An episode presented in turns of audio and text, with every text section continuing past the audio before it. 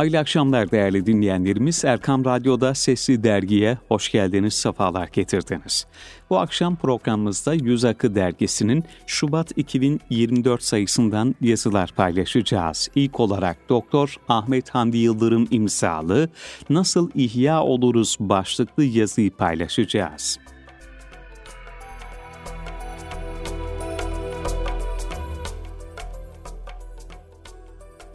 Cenab-ı Allah bizi niçin yarattığını beyan sadedinde şöyle buyuruyor. Ben cinleri ve insanları ancak bana kulluk etsinler diye yarattım. Yani bizim yeryüzünde bulunma maksadımız Allah'a kulluktur. Allah'a kulluğun nasıl yapılacağını gösteren ve öğreten ilim adına da fıkıh diyoruz. Tarihimizin önemli simalarından biri İmamı Gazali'dir. Onun çok önemli bir eseri var. Kitabın başlığı bu eserin ne kadar derin bir mevzuyu ele aldığını bizlere anlatıyor. İhya-u Ulumuddin, din ilimlerinin canlandırılması. Sanki sadece bu başlık bile muazzam bir iddiayı taşıyor.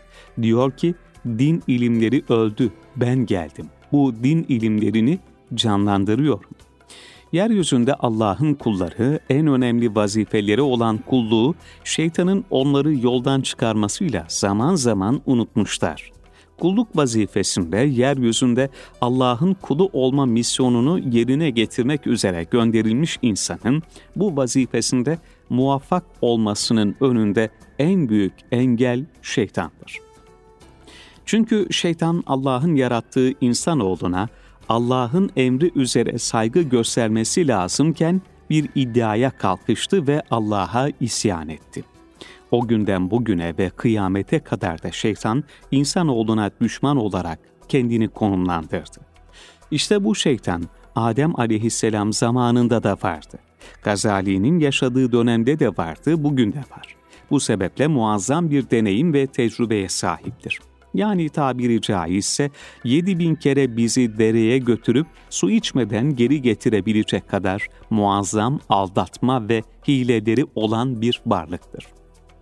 Hicri 5. asra baktığımızda şu içerisinde bulunduğumuz asırdan çok da farklı olmayan bir asırla karşılaşıyoruz batınilik yayılıyordu. Yani bir takım neydi belirsiz akımlar üzerinden namaza, oruca gerek yok. Kalbin temiz olsun. Allah senin kalbine bakıyor. Allah senin namazına mı muhtaç? türünden ifadelerle insanları aldatan, içi boş, tamamen kulluktan uzaklaşmış bir din takdim ediliyordu.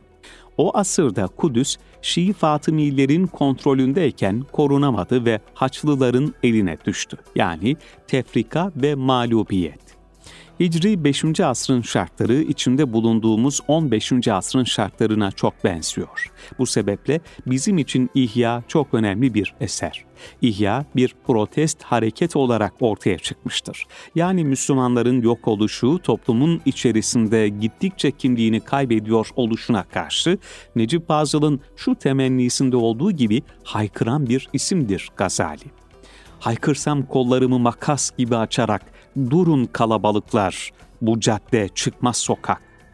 İmam Gazali, İhya-u Ulumiddin adlı kitabının ilk bahsine Kitabül İlim adını veriyor. Burada ilmin faziletlerinden bahsediyor, ilmin faziletlerine dair ayetlerden bahsediyor, hadislerden bahsediyor.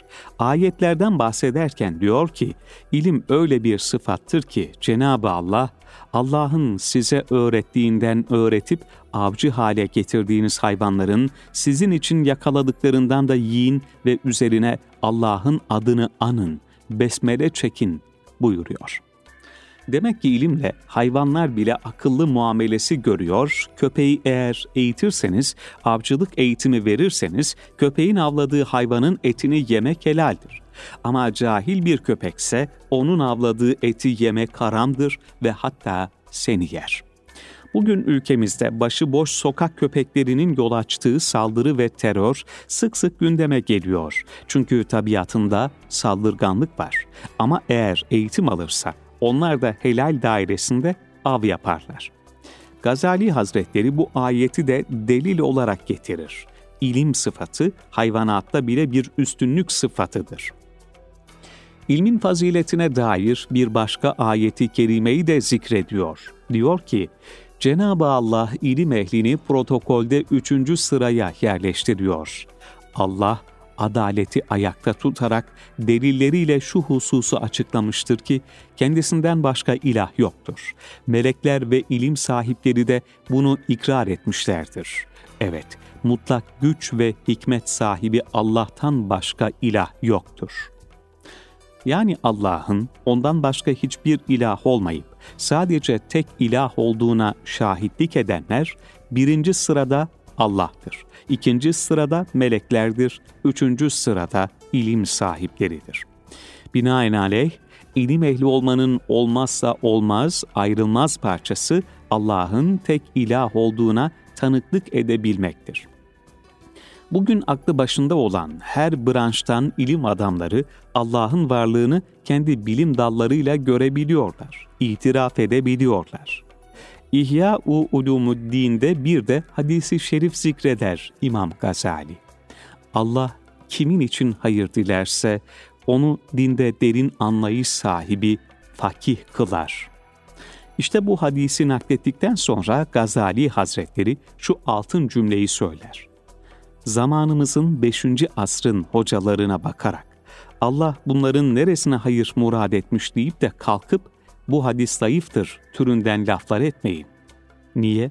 Çünkü fakih olmanın asgari standardı en düşük basamağa ahiretin dünyadan hayırlı olduğunu bilmektir. Yani hepimiz bir hayat yaşıyoruz. Gençken biraz daha toz pembe gözüküyor bu hayat. Ama bu hayat iki basamaklı bir varlığın birinci adımı. Buradan asıl hayat olan ahirete geçeceğiz. Asıl hayat ahiret hayatı olduğu için fakih olmak, ahiret gözlüğüyle dünyayı değerlendirebilmektir. Yani her yaptığımız şeyde yarın Allah'ın huzurunda bunun hesabını vereceğim şuuruyla hareket edebilmektir. Bundan dolayı alışveriş mevzularını bilmek, namazın şartını, orucun müfsidini bilmek, fakih olmak için yeterli değil. Fakih olmak, Gazali'nin ifadesiyle ahiret gözlüğüyle dünya hayatını değerlendirebilmektir. Bugün fakihlerimiz o güne göre daha avantajlıdır. Niye? Çünkü o günkü fıkıh bugünkü hukuku karşılıyor. Bugün nasıl hukuk fakülteleri, hakimler, savcılar yetiştiriyorlar, avukatlar çıkarıyorlar, hukuk fakültesi mezunları önemli devlet mezunlarına namzet oluyorlar. Birinci asırda da fıkıh okuyanlar önemli hukuk mahkemelerinde kadılık yapıyor, mahkeme teşkilatında vazife alıyorlardı. Dolayısıyla hem talebeyken hem talebelik sonrasında muteber meslekleri elde ediyor, yüksek maaşlar alıyorlardı. Bu da niyetin ihlası hususunda endişelere yol açıyordu. Bugün o zamana nazaran ilahiyatlılar olarak hiç itibarımız yok. Bu endişe o zamana göre devrimizde daha az. Fakat böyle olmakla beraber yine toplumun bir kesiminde ilahiyatlılardan aykırı konuşanları, aykırı söylem üretenleri el üstünde tutmak gibi bir yozlaşma görüyoruz. Oysa Allah bizi yeryüzüne kul olmak için gönderdi. Hatta Peygamber aleyhisselam Efendimizin peygamberlik vasfı mı, kulluk vasfı mı öndedir? Kelime-i şehadette önce onun kul olduğunu söylüyoruz. Nitekim tasavvuf literatüründe bir ifade vardır. Der ki, bütün kainat, bütün yeryüzü Muhammed Mustafa sallallahu aleyhi ve sellemin hatırı için yaratılmıştır.'' Yani Allah bütün kainatı kendisine ibadet edelim diye yarattığını söylüyor. Bütün alemi insanların ve mükellef olan cinlerin emrine verdiğini söylüyor. Dolayısıyla şu varlık aleminin yaratılma sebebi hikmeti kulluktur. Kulluğu en üst noktada, en zirve noktada teslim eden de Muhammed Mustafa sallallahu aleyhi ve sellem'dir. O zaman Cenab-ı Allah bana kulluk yapsın diye ben insan olduğunu yarattım. Bu kullukta da zirve olan Muhammed Mustafa olduğu için onun hatırına insanlığı yarattım demiş oluyor. Hasılı kelam, hoca olmak, doktor olmak, profesör olmak, rektör olmak, devlet başkanı olmak, Bütün bu sıfatlar bizim için bir mana ifade edebilir ama Allah karşısında kul istiyor. Dolayısıyla kul olmayan birinin Allah katında hiçbir itibarı yoktur. Bir hikaye anlatılır. Adamın biri çocuğuna senden adam olmaz demiş. Çocuk da hırs yapmış, okumuş, vali olmuş. Babasının bu sözlerine içerlediği için de jandarmayı göndermiş köye. Babasını iki jandarma arasında mecburi olarak valilik makamına getirmiş. İçeri girince de kasılarak hani benden adam olmazdı demiş. Babası da oğlum ben senden vali olmaz demedim, senden adam olmaz dedim demiş ve eklemiş. Eğer adam olsaydın babanı jandarma marifetiyle ayağına getirtmezdin. Şimdi bu baba için çocuğunun vali olması mı önemli yoksa çocuğunun çocuk olması mı önemli? Size hayattan bir tecrübemi paylaşayım. Siz de gözlemliyorsunuzdur. Anne baba hangi çocuğunu sever? Tadında problem çıkaran çocuğunu sever. Niye? Çünkü annelik ve babalık içgüdüsünü tadacağı taleplerle karşılaşmak ister. Mesela, baba param yok, harçlık verir misin diyecek, baba da verecek. Anne, şunu yapamadım yardım eder misin diyecek, annesi de yardım edecek. Böylece anneliği, babalığı tadacaklar.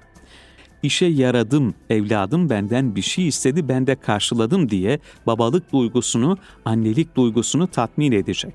Ama evlat anne babasına hiç problem götürmüyor, hiç müracaat etmiyor, hiçbir şey istemiyor, müstani gibi davranıyor. Anne baba pek sevmez öyle evladı.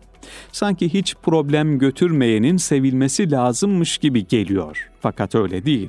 Cenab-ı Allah da kullarından tatlı problem çıkaranları seviyor. Ne diyor hadisi şerifte? Eğer siz hiç günah işlemeseydiniz, Allah Teala Hazretleri sizi helak eder ve yerinize günah işleyecek fakat tövbeleri sebebiyle mağfiret edici kimseler yaratırdı. Bu merhamet tecellisinin sırrıdır. Tabi büyük problem çıkaranı anne baba da sevmez. Cenabı Hak da yani küfür, şirk, nifak, isyan, fısku, hücur ehlini. Huzur evlerinde yaşlı amcalar, teyzeler, nineler var. Bunların oğulları rektör, doktor, bakan, yüksek mevkide kimseler. Ne faydaları var annelerine, babalarına? Bir de bakıyorsunuz ki bir köyde adamın etrafında 10 tane oğlu var, torunları var. Ahir ömründe onlarla mutlu mesut geçiniyor.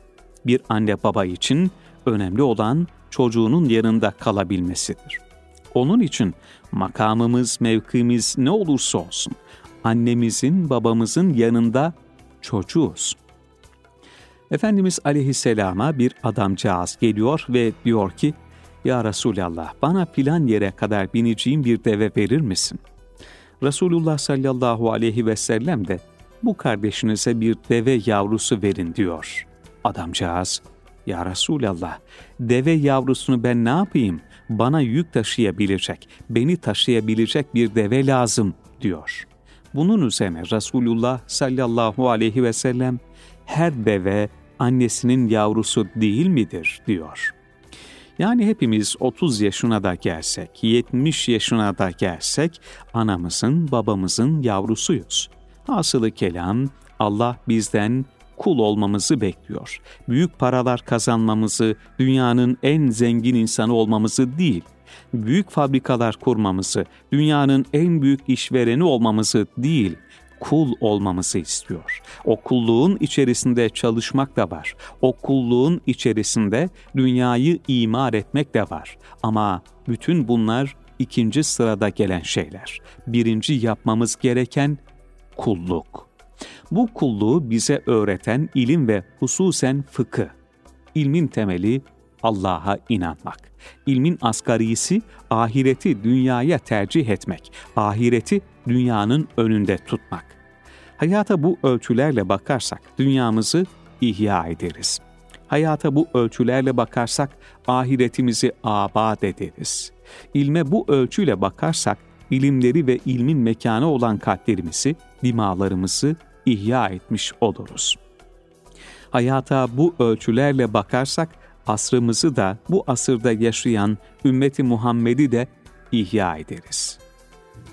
Aramızdaki tefrikayı yener, içteki düşmanımız şeytana ve dıştaki düşmanımız küffara, haçlısına, siyonistisine galip getiririz. Böylece masup beldelerimizi de işgalden kurtarırız. Ne mutlu ihya olanlara, ne mutlu ihya edenlere.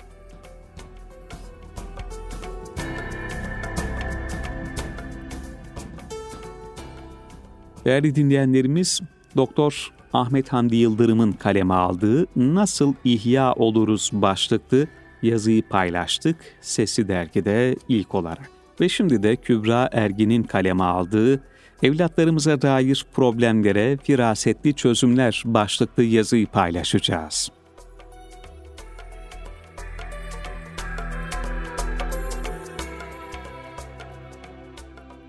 Son zamanlarda Müslümanlar evlat hususunda çeşitli imtihanlardan geçiyor. Hiç ummadığımız kişilerin evladı ile ilgili acı hadiseler yaşadığını duyuyoruz.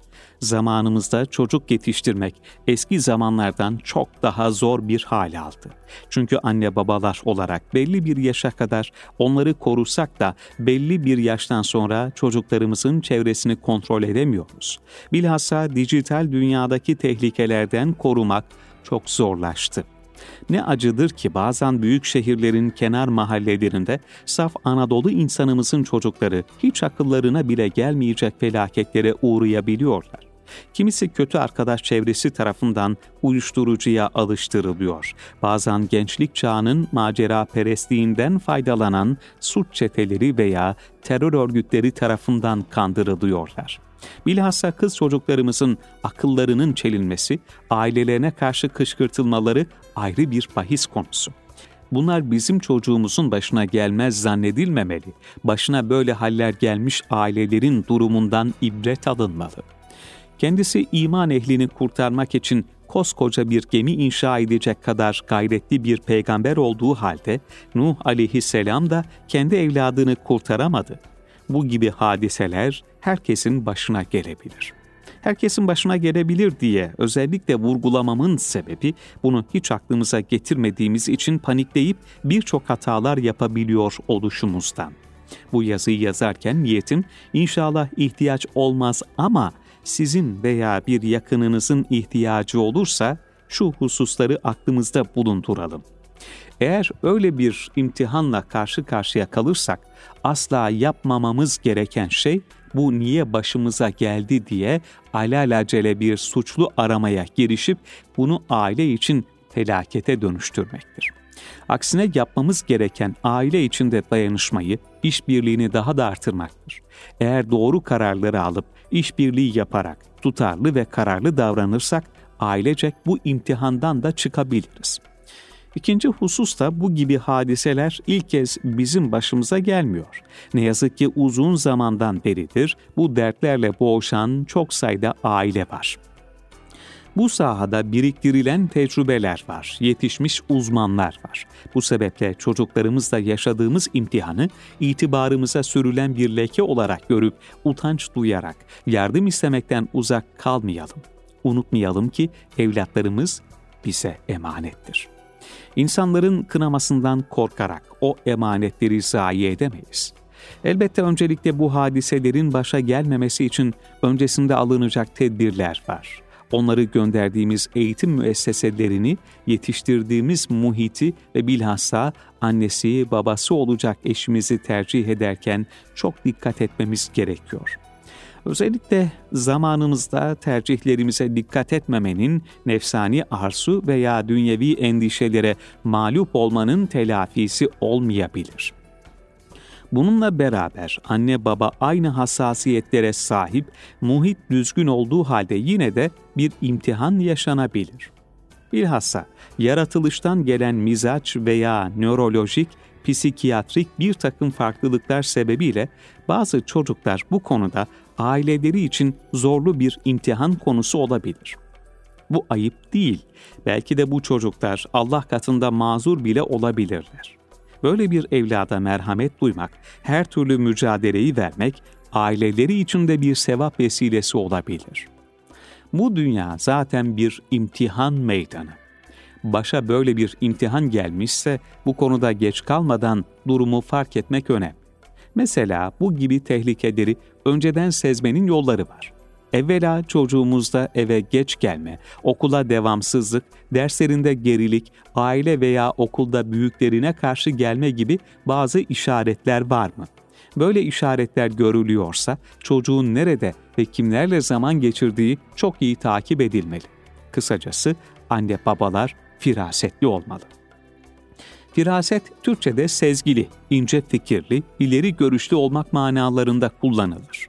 Bir kimsenin veya bir şeyin dış görünüşüne aldanmayıp gerçek yüzünü sezmek manasına geliyor.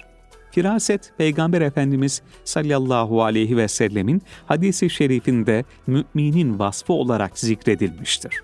Müminin firasetinden korkun. Çünkü o Allah Teala'nın nuruyla bakar.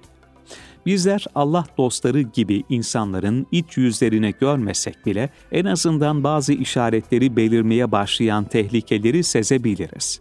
Bilhassa zamanımızda bu şekilde tedbirli ve uyanık olmaya çok ihtiyacımız var.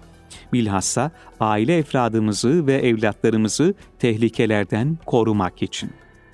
Bilindiği gibi Rabbimiz, Ey iman edenler!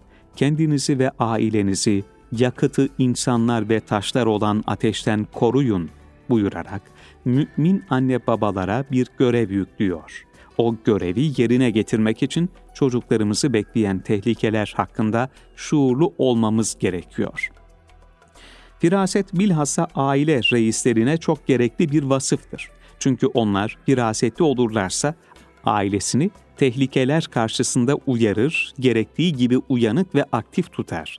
Gereken tedbirlerin alınmasını sağlarlar. Aile reisleri firasetsiz olursa aile ve toplum fesada maruz kalır. Düşmanları ona akbaba gibi üşüşse, ciğerparesi olan evlatlarını koparıp alsa ve ifsad etse, istikbali hakkında her türlü hileyi tezgahlasa da hiçbir şey yapamaz.'' Aile reisleri sadece banka cüzdanı gibi kendilerinden istenen her masrafı ödeyip başka şeylerden habersiz olmamalı. Psikolojiden, pedagojiden, ergenlik çağının tehlikelerinden haberdar olmalı. Hatta kabiliyeti varsa teknik becerilere sahip olmalı. Mesela çocuklarının eline pahalı cep telefonları, tabletler verip kaderine terk etmemeli o cihazların içine yüklenebilen, aileler için hazırlanmış uygulamaları öğrenmeli. Kendisi bilmiyorsa yardım istemeli. Böylece kimlerle görüşüyor, nelere ilgi duyuyor vesaire takip etmeli. Firaset, aile reisi olan babalara olduğu kadar çocuklarının mürebbisi olan annelere de gerekli bir özellik. Günümüzde her annenin zamanın tehlikeleri konusunda şuurlu olması gerekmektedir. Çünkü çevre şartları maneviyatımızı zehirleyen envai çeşit haşereyle, yılanla, çıyanla doludur. Bilhassa sosyal medya gibi ortamlar yılandan daha zehirli olabilmektedir. Bunları göz önüne alarak dikkatli ve tedbirli olmak lazımdır. Ailede anneler genellikle çocuğunu daha yakından takip edebilme imkanına sahiptir. Onun halindeki değişiklikleri daha erken fark edebilir. Böyle bir durumda asla aile reisinden bir şey gizlememeli. Aile reisi de böyle bir durumda öfke gösterip suçlayıp yüzüstü bırakmamalı. Müminler için evlenip aile kurmanın manası bu dünyadaki bütün vazifelerde ve imtihanlarda yardımlaşmaktır çocukları yetiştirmek ise işbirliği yapılacak vazifelerin başında gelir. Günümüz şartlarında çocuk yetiştirirken dengeli bir ruh hali vermeye, özel bir özen göstermek gerekiyor. Mesela çocuğumuz başkalarına karşı güzel geçimli, nazik, haktanır olmalıdır. Ama ona kötü iş ve alışkanlıklara çağıran bozuk bir çevreye karşı hayır demesini bilen, şahsiyetli, ciddi, kendini savunma becerisine de sahip biri olmalıdır. Bunun için de çocuğumuzun kendisini ifade etmesine fırsat verip kişiliğini geliştirmesini sağlamalıyız. Önemli bir husus da çocuklarımızın kendisini ailede çok değerli hissetmesidir. Çocuğumuz ailede bulamadığı değeri başka yerde aramamalıdır. aile reisleri çocuğumu şımartmayayım derken onu ezik, pasif, başkaları tarafından yönlendirilen bir zavallı haline getirmemelidir. Çocuk aile içinde daima kendini ifade edebilmelidir. Velev ki çocukluk ve gençlik çağının tabi hali olan basit düşünceler ifade etsin, yine de hoşgörüyle karşılanmalıdır. Doğrusu öğretilmelidir. Güzel şeyler düşünüp yaptığı zamansa daha fazla teşvik ve iltifat görmelidir çocuklarımızın fıtri ihtiyaçlarını uygun bir şekilde karşılamak da önemlidir. Çocuğunun ihtiyaçlarına duyarsız kalan bir aile onu hırsızlığa ve benzer suçlara yönlendirebilir. Bilhassa ergenlik çağında çocuklar kaliteli yiyecekler yemeye, iyi giyinmeye ihtiyaç duyabilir. Aile çocuğunun ihtiyaçlarını helal dairesi içinde karşılamaya çalışmalıdır. Bununla beraber ihtiyaçtan fazla harçlık bazen belaya davetiye çıkarır. Bu sebeple her şeyin ölçülü, dengeli olması çok önemlidir. Dikkat edilmesi gereken bir başka husus da çocuğu iki yüzlü hale getirmemeye dikkat etmektir. Çocuğumuz bize karşı samimi olmalıdır. Bunun için de ondan, yaşından beklenmeyecek bir takva ve olgunluk talep edilmemelidir.'' Çocuğumuz bize karşı bir maske takınırken gerçek yüzünü başka insanlara ifade eder hale gelmemelidir. Bunun için de terbiyeyi yaşa uygun şekilde ve alıştırarak vermelidir. Çocuklarımızın aileleriyle irtibatları çok güçlü ve her türlü duruma karşı dayanıklı olmalıdır. Öyle ki çocuğumuz bir hata yapsa da gelip ailesine söyleyebilmeli kendisini tehdit edenler varsa ihbar edip yardım isteyebilmelidir. Rabbim hepimizi evlatlarımız hakkında ağır ve çözümsüz imtihanlardan muhafaza eylesin.